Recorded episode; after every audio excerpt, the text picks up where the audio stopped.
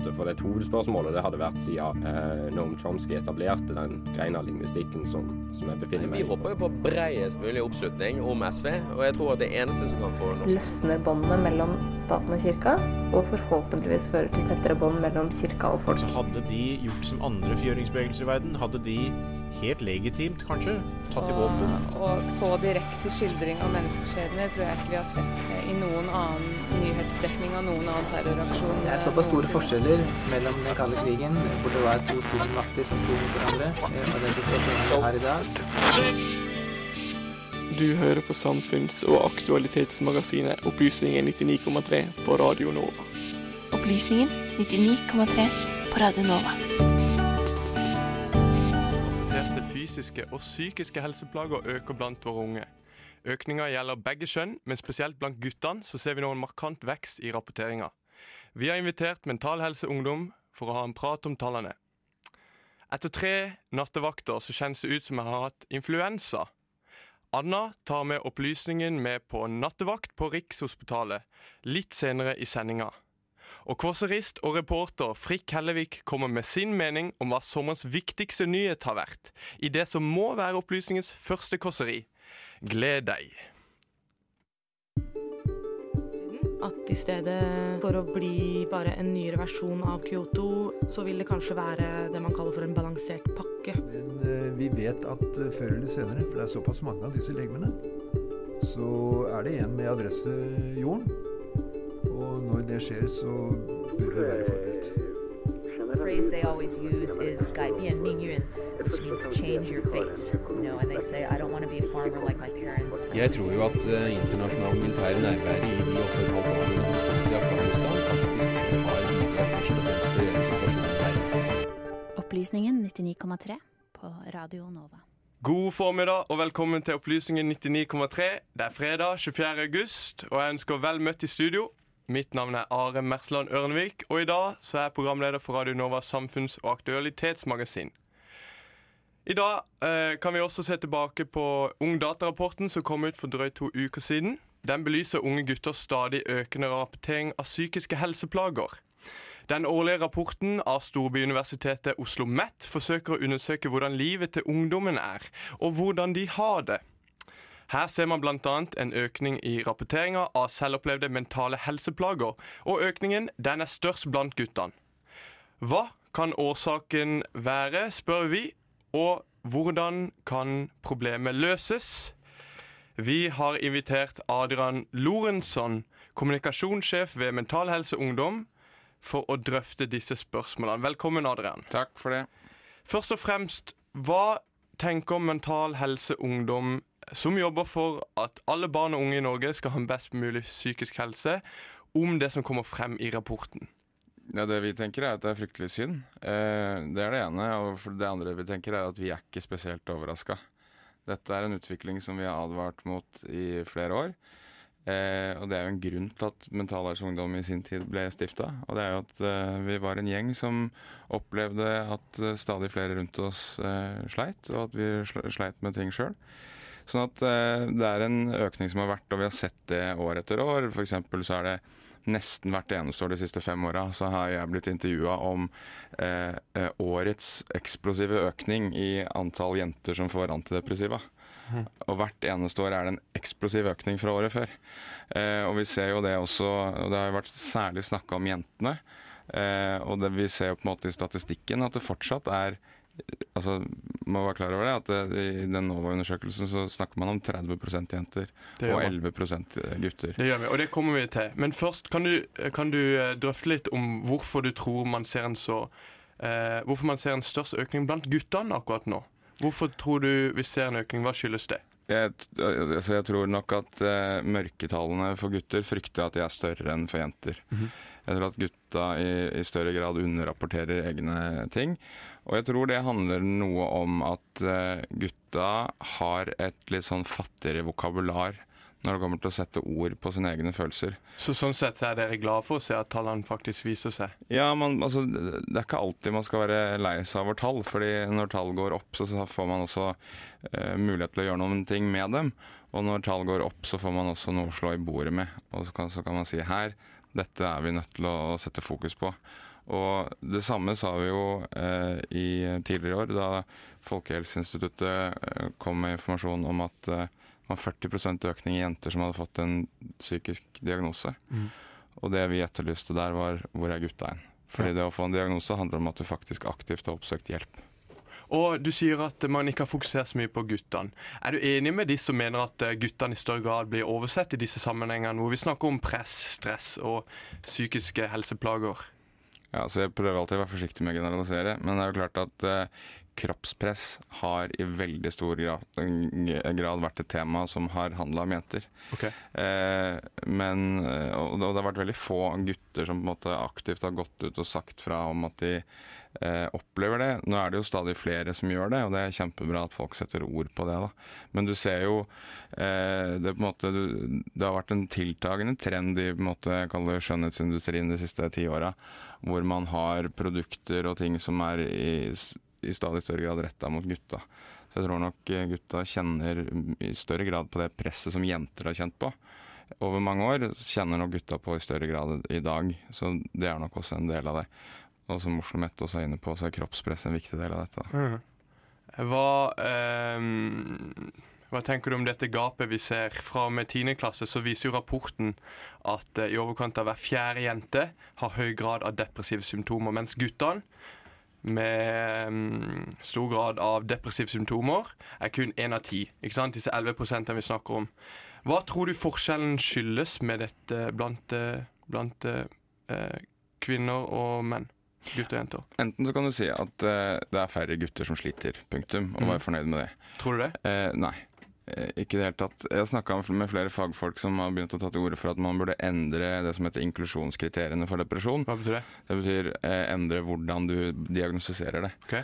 Altså at du, flere, at du inkluderer flere symptomer. eh, hvor du på en måte kan stille en diagnose på, på, av depresjon, f.eks. på Kan du, kan du gi noen eksempler? ja, Det som handler om eh, flere inklusjonskriterier for gutta, det hadde vært f.eks. å ta inn aggresjon som Mhm. en, eh, et aspekt. Eh, og på en måte eh, å se på om gutta faktisk eh, responderer annerledes på de samme opplevelsene.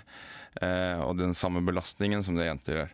Så er det jo eh, ikke dermed sagt at man, måte, man skal prøve å dele ut flest mulig diagnoser til folk, men det handler om måte, å vite litt om hvordan man skal møte mennesker som har utfordringer med å, å funke i dagliglivet. Og det er jo det måte vi kaller en psykisk, psykisk sykdom eller psykiske helseproblemer. er når du ikke funker sånn som du har lyst til å funke. Mm. Da, kan, da har du nok behov for hjelp, og da vil vi, og da vil de fleste også måte være i den situasjonen at man får den hjelpen man trenger for å kunne leve det livet man ønsker. Og eh, hvis vi skal komme tilbake litt på dette med, eh, altså dette med underrapportering, at eh, guttene kanskje mangler vokabular, kan du, kan du eh, komme opp eh, med noen tanker rundt dette med at hvorfor guttene underrapporterer?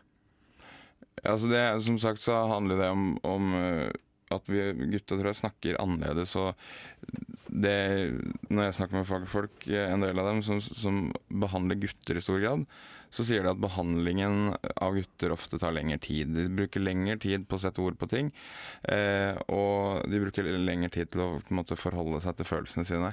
Og veldig mange, altså Jeg blant annet kjenner meg igjen i det, veldig mange som kan gjøre det. Eh, nå er det ikke dermed sagt at alle er sånn, men det er på en måte hovedtrekkene i det. At man ikke klarer å sette ord på hvor vondt man har det? Ja, det kan eh, At man på en måte ikke, ikke har den samme tilgjengeligheten til, til følelsene sine, f.eks.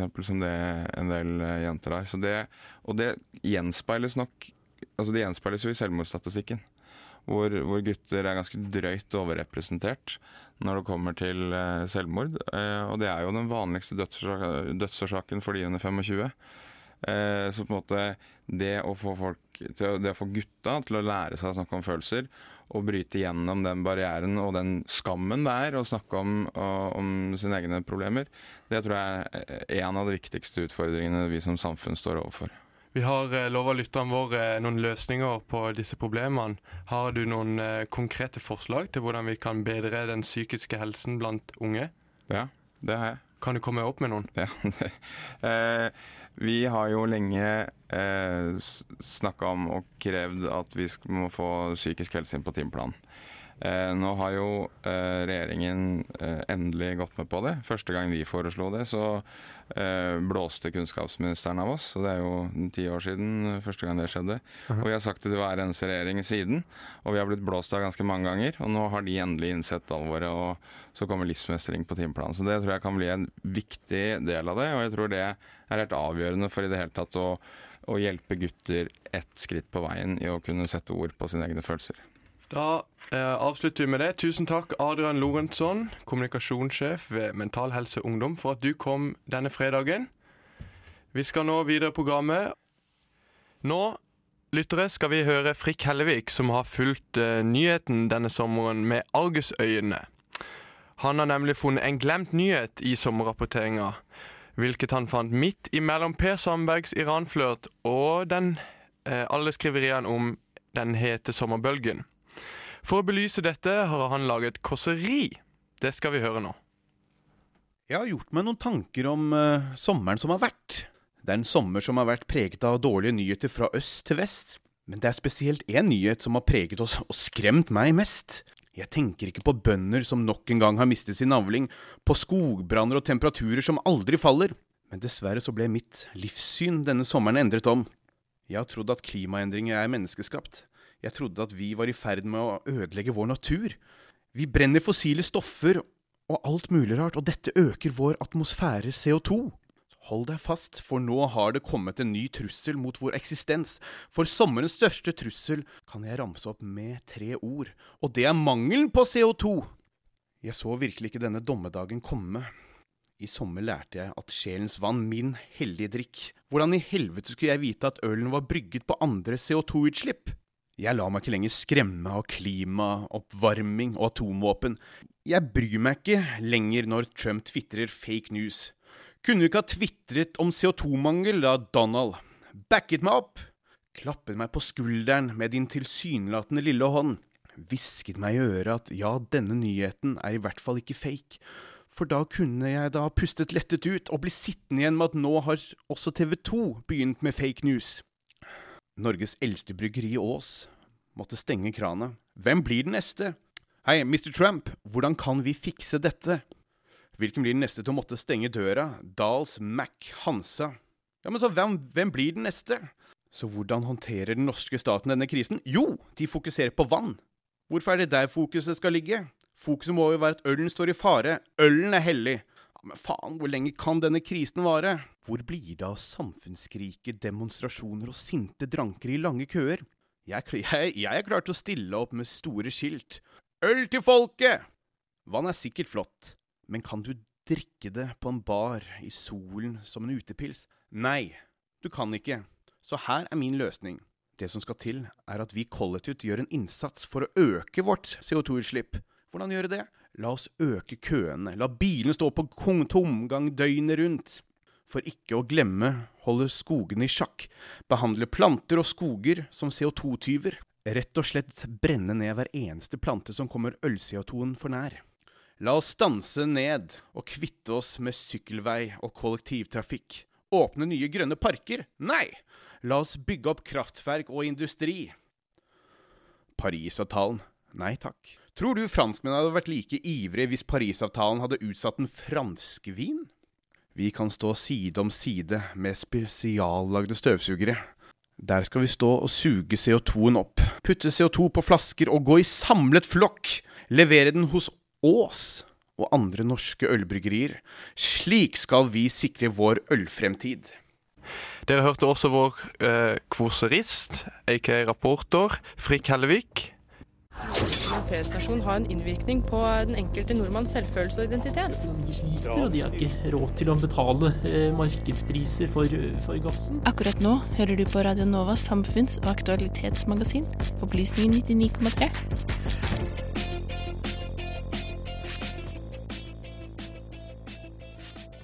Vi skal nå høre eh, et innslag som er laga midt på natten.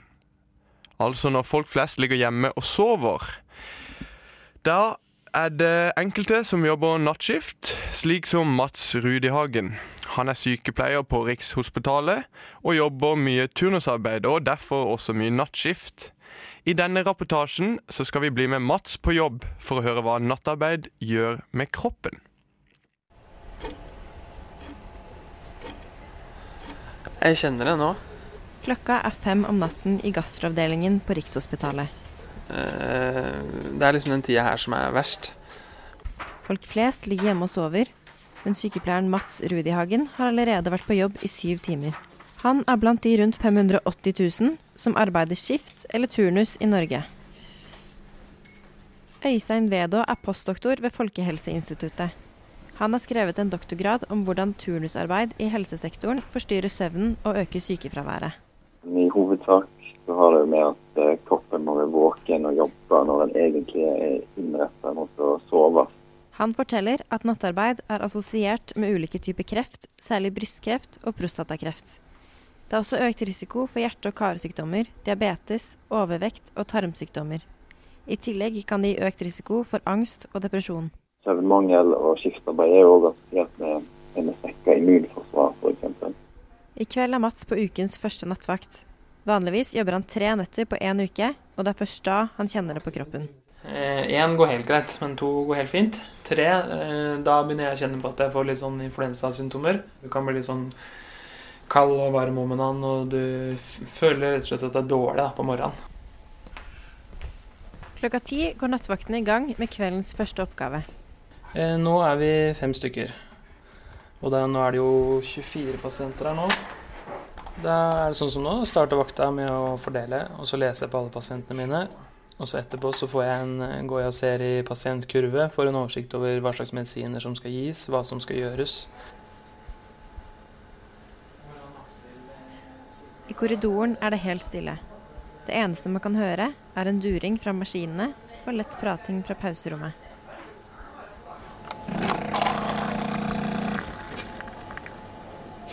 Mange kopper drikker du på kveldsvakt? Nattvakt? På nattvakt fem, kanskje?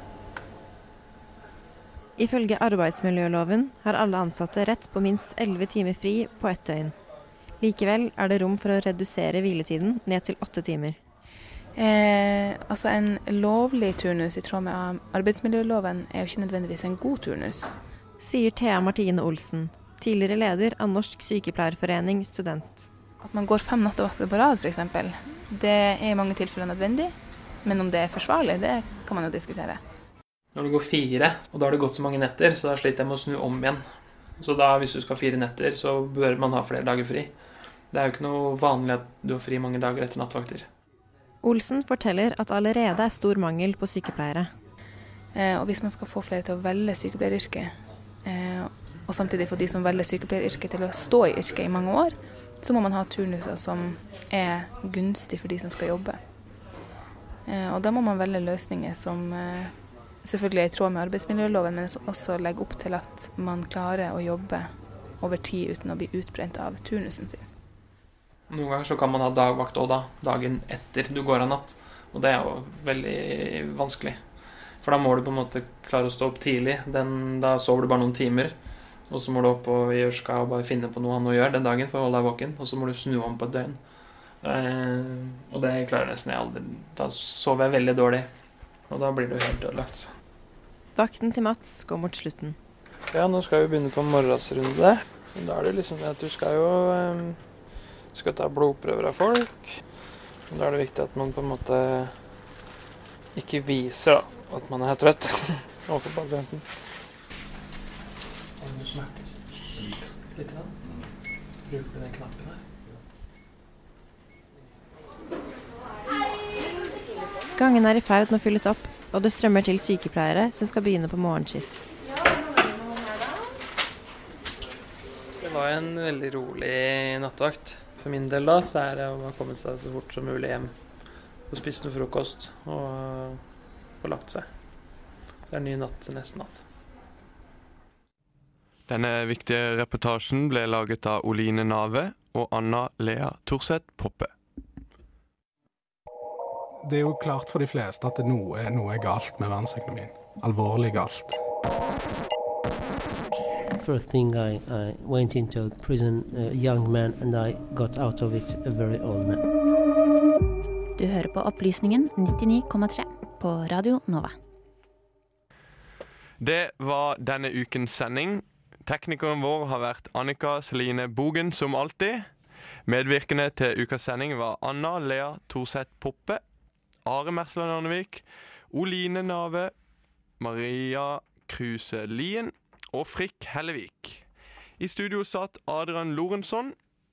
Programleder var som nevnt medvirkende Are Mersland Arnevik, altså meg. Og vi høres igjen neste fredag. God helg.